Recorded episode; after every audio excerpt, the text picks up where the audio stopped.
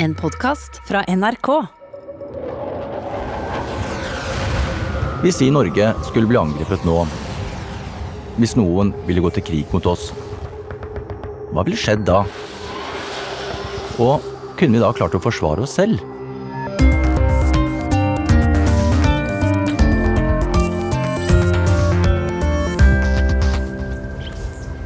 Se for deg at det er en helt vanlig dag, der du gjør det du pleier å gjøre. Plutselig hører du dette. Det er flyalarmen, og det er ingen øvelse. Du hører jagerfly i det fjerne, og så et smell. Vi blir angrepet. Noen vil ta oss. Hva gjør du da? Hva gjør vi da, vi som bor i Norge? Og ikke minst vi som jobber i Forsvaret. Jeg heter Tormod Heier. Jeg er professor ved Forsvarets høgskole i Oslo. Nå skal jeg fortelle deg hvordan flere av oss som jobber i Forsvaret tenker, i tilfelle vi blir angrepet. Dette burde vært pensum, for det angår ikke bare meg. Det angår nemlig oss alle.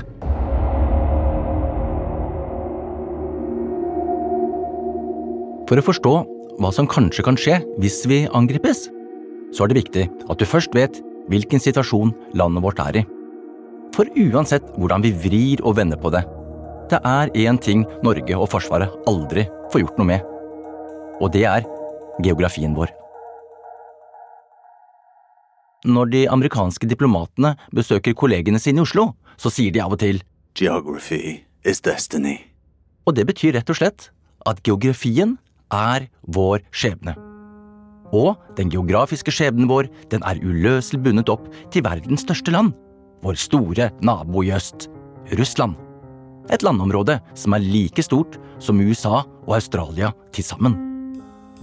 Men selv om det er 14 land som grenser til Russland, som f.eks. Mongolia, Nord-Korea og Nato-land som Polen, Estland, Latvia og Litauen, så er det likevel den norske beliggenheten langs russergrensen som er unik.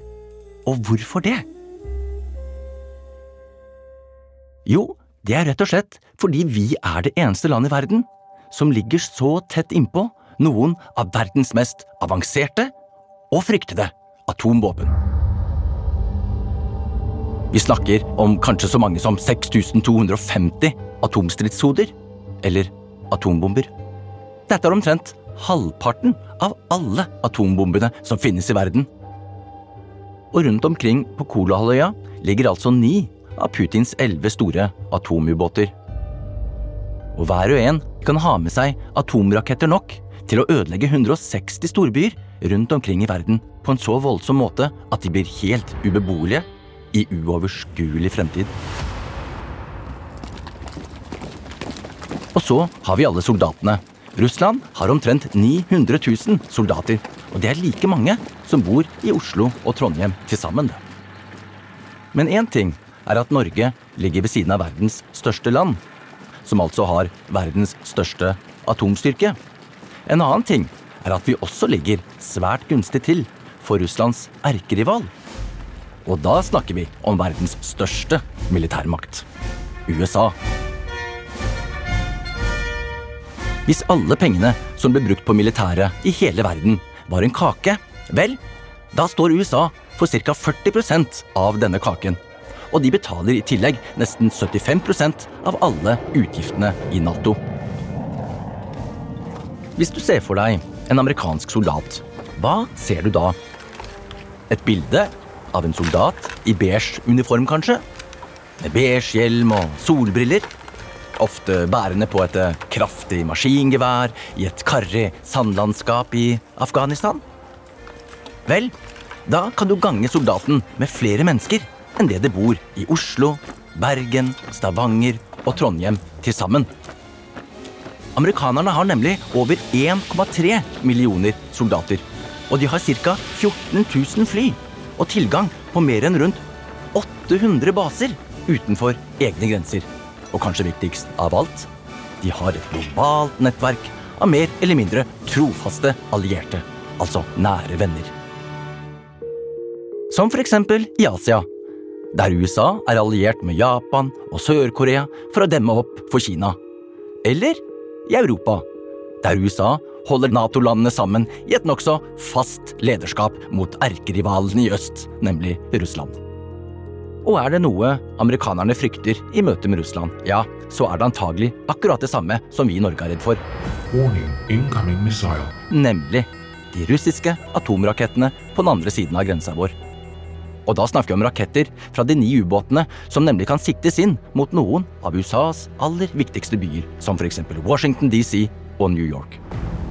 Sånn sett kan vi si at Norge ligger i skjæringspunktet mellom verdens to største atommakter, de to erkerivalene i internasjonal politikk, USA og Russland. Landene som i dag også står rett overfor hverandre i Ukraina-krigen, en to timers flytur sørøst for Oslo. Men la det være sagt med en gang, jeg tror ikke det blir noen krig med russerne. Og grunnen til det er egentlig at russerne vet én ting, og det er at dersom de angriper Norge eller et annet Nato-land, ja, så vil USA og de andre Nato-landene ta igjen på Russland. Og det med en militær styrke som langt overgår det russerne selv kan stille opp med. Men på den annen side, vi kan jo aldri være helt sikre. For mennesker er mennesker, og av og til så misforstår vi hverandre. Eller det kan skje uhell langs de spente grenseområdene som kanskje kan bære galt av sted. Og da har vi det gående. Derfor er det alltid best å være forberedt på det verste, selv om sannsynligheten er veldig liten. For vi vet hva en atomkrig vil bety. Og det er rett og slett at ingen vil vinne, siden begge parter kan utslette hverandre med atomvåpnene sine. According to the Oslo radio, Norway is at war. Så hva gjør vi da om vi likevel blir angrepet fra russisk side? Dette spørsmålet er interessant, fordi det tvinger oss til å si noe om hvordan det egentlig står til med vårt eget forsvar. Klarer vi å stå imot et angrep, og i så fall hvor lenge? Før flyalarmen går, har det allerede skjedd mye i landet vårt. Arbeidet har startet lenge før du hører de velkjente støtene. Regjeringen og forsvarssjefen har f.eks. vært i løpende kontakt med USA og Nato, ikke minst for å holde de informert om hva som skjer på den andre siden av russergrensen, og hva som skjer i Norge. Og så skjønner vi at et angrep fra russerne er uunngåelig. Og det er da flyalarmen tas i bruk. Ute i samfunnet vil denne durende lyden vare i ett minutt, og den består av en lang rekke korte støt. Og de korte støtene de betyr én ting fare. Søk dekning. Hva gjør Forsvaret da? Soldatene forsvinner ut av leiren for å gjemme seg ute i skogen. Og det er fordi militærleire ofte er fristende bombemål for fienden. I tillegg styrkes vaktholdet rundt det som er viktig for oss i Norge. F.eks. kongehuset, Stortinget og regjeringen. Men også den infrastrukturen som holder AS Norge i gang. Og det kan f.eks. være matlagre, havner, flyplasser, styring av strøm, mobiltelefoni og internett til utlandet. Innkallingen av de som har gjennomført førstegangstjeneste, og som nå må tre støttende til, har mest sannsynlig skjedd i dagene og ukene før flyalarmen går. Og det er fordi flyalarmen og mulige angrep på Norge ikke kommer ut av det blå. Oftest så er det slik at spenningen bygger seg opp over tid.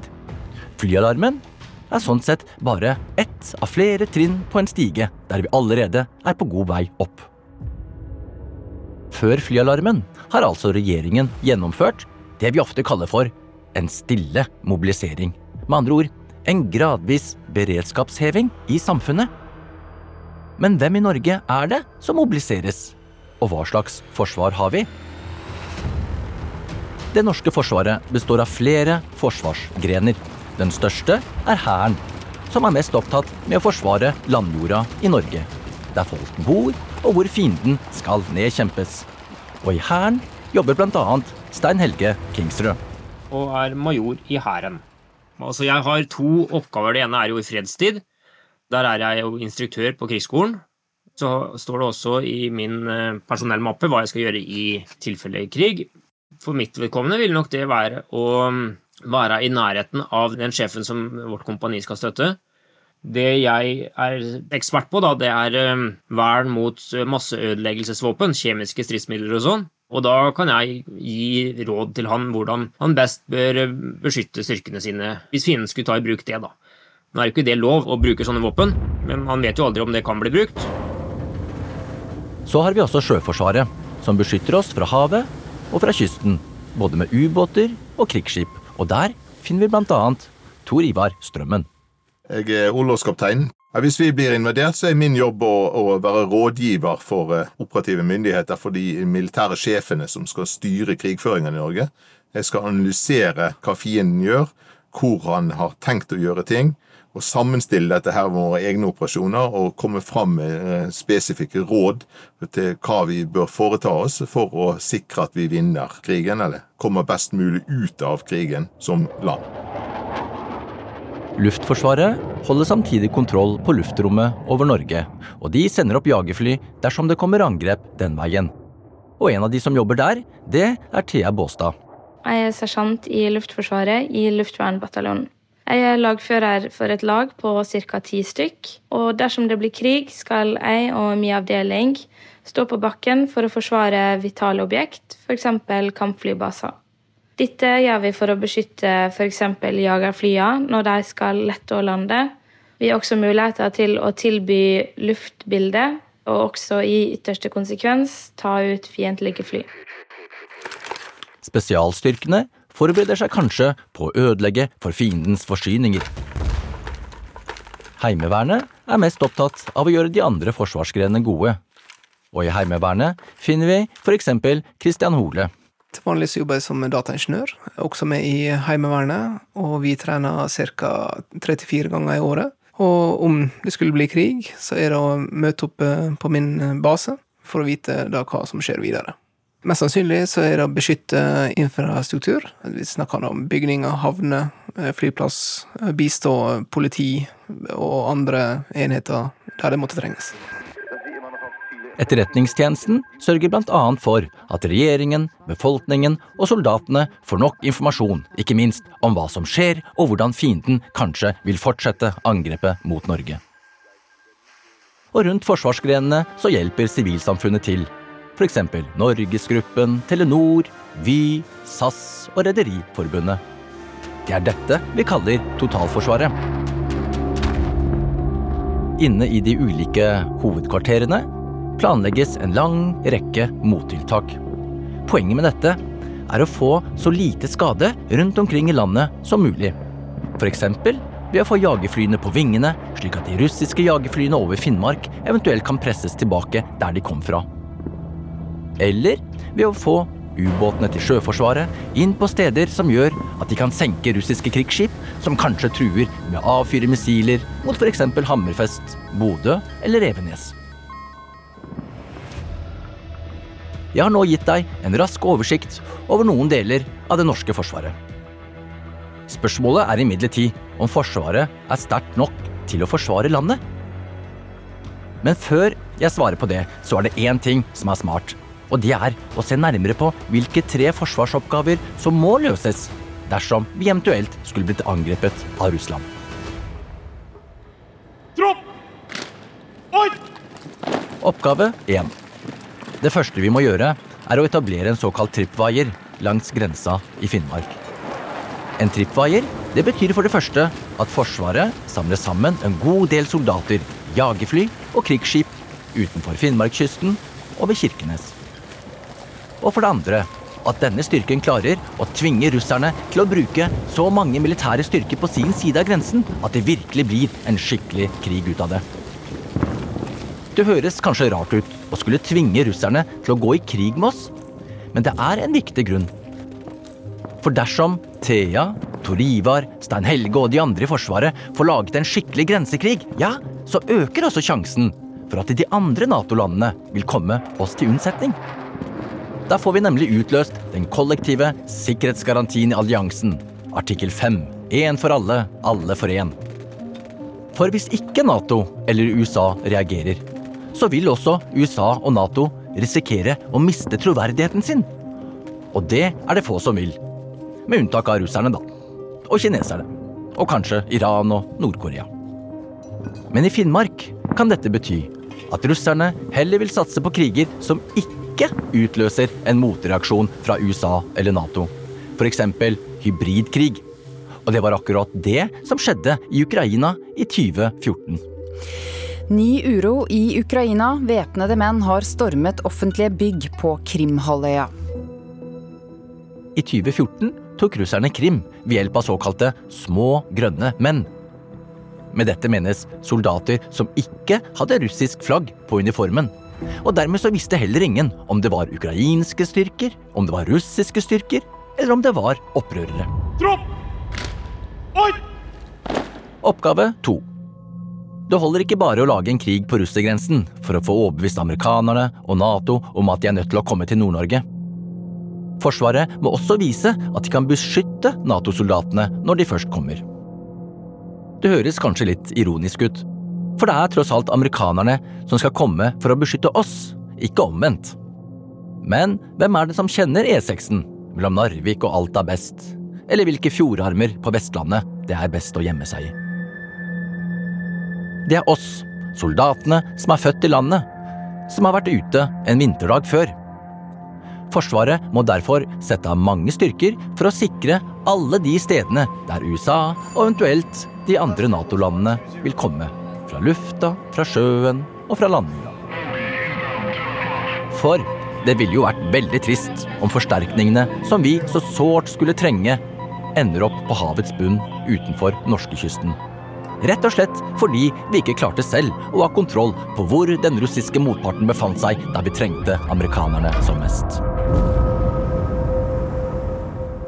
Tropp! Oi! Den tredje viktige forsvarsoppgaven er å passe på at gjestene våre kommer seg dit de skal. For det er litt dumt å ha tusenvis av amerikanske soldater i Midt-Norge hvis krigen egentlig skjer i Finnmark. Dette er utrolig vanskelig, både fordi det er snakk om lange avstander, og det kan være dårlig vær. Islagte veier og svært kaldt, noe de allierte soldatene kanskje aldri har opplevd før. For å unngå et komplett kaos må derfor Forsvaret beskytte veiene, jernbanestrekningene, broene, tunnelene, fergene og fergeleiene. Med andre ord alt som trengs for å få den store amerikanske krigsmaskinen trygt frem.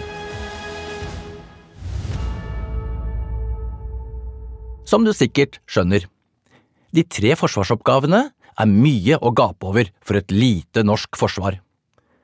Særlig fordi akkurat disse tre forsvarsoppgavene også må løses samtidig. Klarer det norske forsvaret denne jobben?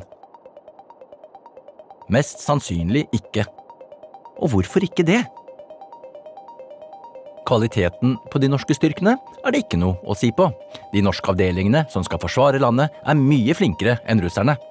Særlig til å gjøre det som er viktigst i moderne krigføring, nemlig å krige i fellesskap fremfor hver for seg. For i krig er oppgavene alltid for store til at man kan ta seg råd til å løse de alene.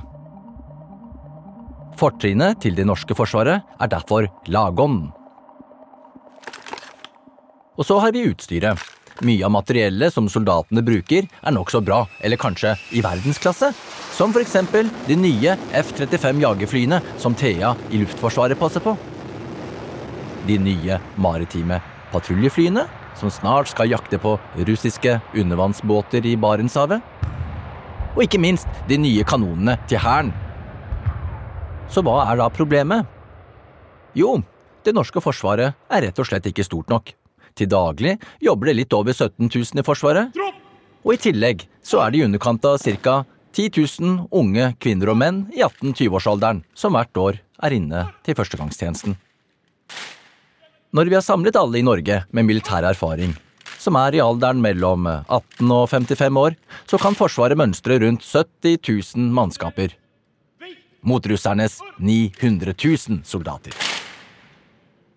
Et forsvar som er for lite for oppgavene som skal løses, betyr derfor at mannskapene raskt slites ut. Og det er fordi at det rett og slett ikke er folk nok til å ta av når det første skiftet må hvile. For det vil de definitivt trenge. For operasjonene skjer ikke bare over store områder. De skjer også i et svært værhardt og fuktig klima med regn og sludd og snø og is. Og samtidig så har ikke styrkene all verdens mulighet til å beskytte seg, f.eks. mot russiske raketter eller mot russiske dataangrep.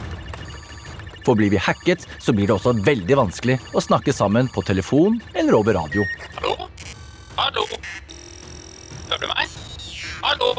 Tenk bare på alle spørsmålene som vil dukke opp underveis. Da blir det også veldig vanskelig å vinne krigen hvis vi ikke kan snakke med hverandre. Dermed er vi inne på det som er det norske forsvarets akilleshæl. Et av våre svake punkter. Og det er nemlig evnen til å holde ut. Over dager, over uker, kanskje måneder. Eksempel mot en fiende som skyter på oss, og som ødelegger utstyret vårt uten at vi får tilført nytt utstyr eller uthvilte mannskaper. Det er denne sårbarheten som gjør at det kanskje ikke vil ta mange dagene før det norske forsvaret gradvis risikerer å løses opp i mindre biter, for deretter kanskje å gå i stykker. Når vi vet at det norske forsvaret vil ha problemer med å gjennomføre de tre viktigste oppgavene om vi skulle bli angrepet, og at vi er helt avhengig av å få hjelp fra Nato, da er jo spørsmålet finnes det en annen løsning på problemet. Og ja, det gjør det. Vi kan nemlig gjøre alt vi kan for ikke å bli angrepet. Men vi må bare gjøre det på en måte som ikke ses på av russerne som en invitasjon til å øke presset mot Norge. For dersom russerne opplever oss som svake eller kanskje som litt sånn ettergivende, ja, da kan det være fristende å sette oss under enda mer press. Og kanskje vil dette senke terskelen for at vi blir angrepet, og det vil vi jo ikke. Men oppfatter russerne oss som litt for tøffe i trynet, på en måte som kanskje virker litt provoserende på deres egen stolthet, ja, da kan det jo være at de vil iverksette motreaksjoner. Og det vil vi jo heller ikke. Det lureste vi gjør overfor russerne, er derfor å oppføre oss på en spesiell måte. På en måte der vi viser to ting samtidig. At vi er prinsippfaste, står med rak rygg og ikke lar oss pille på nesen, og at vi samtidig er konstruktive og forutsigbare i måten vi oppfører oss på. For at du skal forstå hva jeg mener, så la oss dra til lekeplassen. Og om du noen gang har prøvd å få med deg et barn fra lekeplassen, så vet du at vi hele tiden må balansere mellom på den ene siden å være tydelig og klar, og på den annen side hyggelig og samarbeidsvillig. For når skal du sette ned foten? Og når skal du la poden få leke litt i bare fem minutter til? Denne balanseringen, det gjør norske styrker nesten daglig. Vi må vise at vi har USA med på laget, for da skjønner russerne at et angrep på Norge ikke blir en kamp med Norge. Det blir akkurat det motsatte. Det blir en kamp om Norge. Men de norske soldatene, enten de sitter i jagerfly over Barentshavet, eller sitter i marineskipet utenfor Finnmarkskysten, de kan ikke bare true med pisken.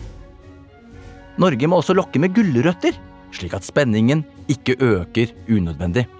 For om vi bare truer russerne med å hente inn Uncle Sam, vel, da vil vi få en nabo som hele tiden går på tå hev utenfor vår egen stuedør. Og da skal det mye mindre til før misforståelser og feiltolkninger kan bære galt av sted. Derfor må vi også berolige russerne. Og det gjøres best ved å holde amerikanske styrker på en armlengdes avstand. Eksempel ved å si at amerikanerne ikke får fly eller seile ut fra Norge og inn i de norsk-russiske grenseområdene. Eller å si at amerikanerne ikke får ha baser i Norge i fredstid. Vi vil nemlig ikke gjøre russerne mer mistenksomme enn nødvendig. Sånn sett er vi i dag inne i en veldig spennende periode i Europa. For det er bare tiden som vil vise hvilken vei Ukraina-krigen tar oss. Så langt virker det egentlig som at Norge har kommet nokså godt ut av krigen. Vårt lille forsvar i nord har fått tilbake et sterkere og mer samlet Nato. En eh, allianse av likesinnede land som har svart nokså kraftig på den russiske invasjonen. Og vi har også fått tilbake et sterkere amerikansk lederskap i Europa. Det ser vi bl.a. ved at det har blitt overført amerikanske styrker til Sentral- og Øst-Europa, noe som skremmer russerne fra å utvide krigen også til andre land. Men det er én stor trussel som vi ikke kommer unna. Den største utfordringen for Norge er paradoksalt nok den russiske svakheten på militær side. For jo svakere Russland er militært, desto kortere er veien opp til de kjernefysiske våpnene som ligger rett på den andre siden av norskegrensa. Det skal mindre til, sett med russiske øyne, før et press fra amerikanske eller andre Nato-lands styrker oppleves som alvorlig. Og hvis russerne ikke har mange styrker å forsvare seg med, siden de fleste er i ferd med å bli brukt opp i Ukraina, vel, da kan det jo være at atomvåpenet igjen blir mer aktuelt å true med. Og dette er antagelig den største utfordringen i årene som kommer. Jeg heter Tormod Heier. Jeg er professor ved Forsvarets høgskole inne på Akershus festning i Oslo sentrum. Etter at du nå har hørt på denne episoden, er det særlig tre ting du bør huske. For det første Geography is destiny.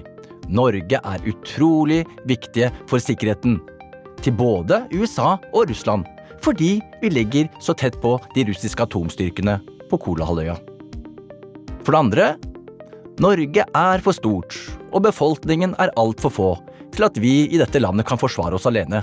Vi er derfor helt avhengig av alliert hjelp.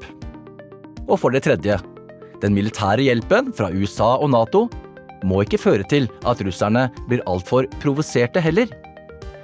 Derfor forsøker regjeringen og Forsvaret hele tiden å balansere mellom å være en god alliert i vest og, så langt det lar seg gjøre, en god, eller kanskje enda mer treffende, forutsigbar nabo i øst. Har du lyst til å høre om flere temaer som burde vært pensum? Følg Burde vært pensum i appen NRK Radio. Burde vært pensum er laget av Lyder Produksjoner for NRK. Produsent Tine Eide. Eksekutiv produsent Christian Marstrander. Lyddesign ved Sondre Myrhol. Musikken er laget av Halvard Hagen og Jens Petter Nilsen. Og ansvarlig redaktør fra NRK, Ole Jan Larsen.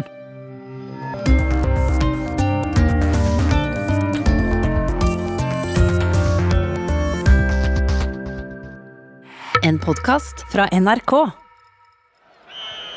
En podkast fra NRK.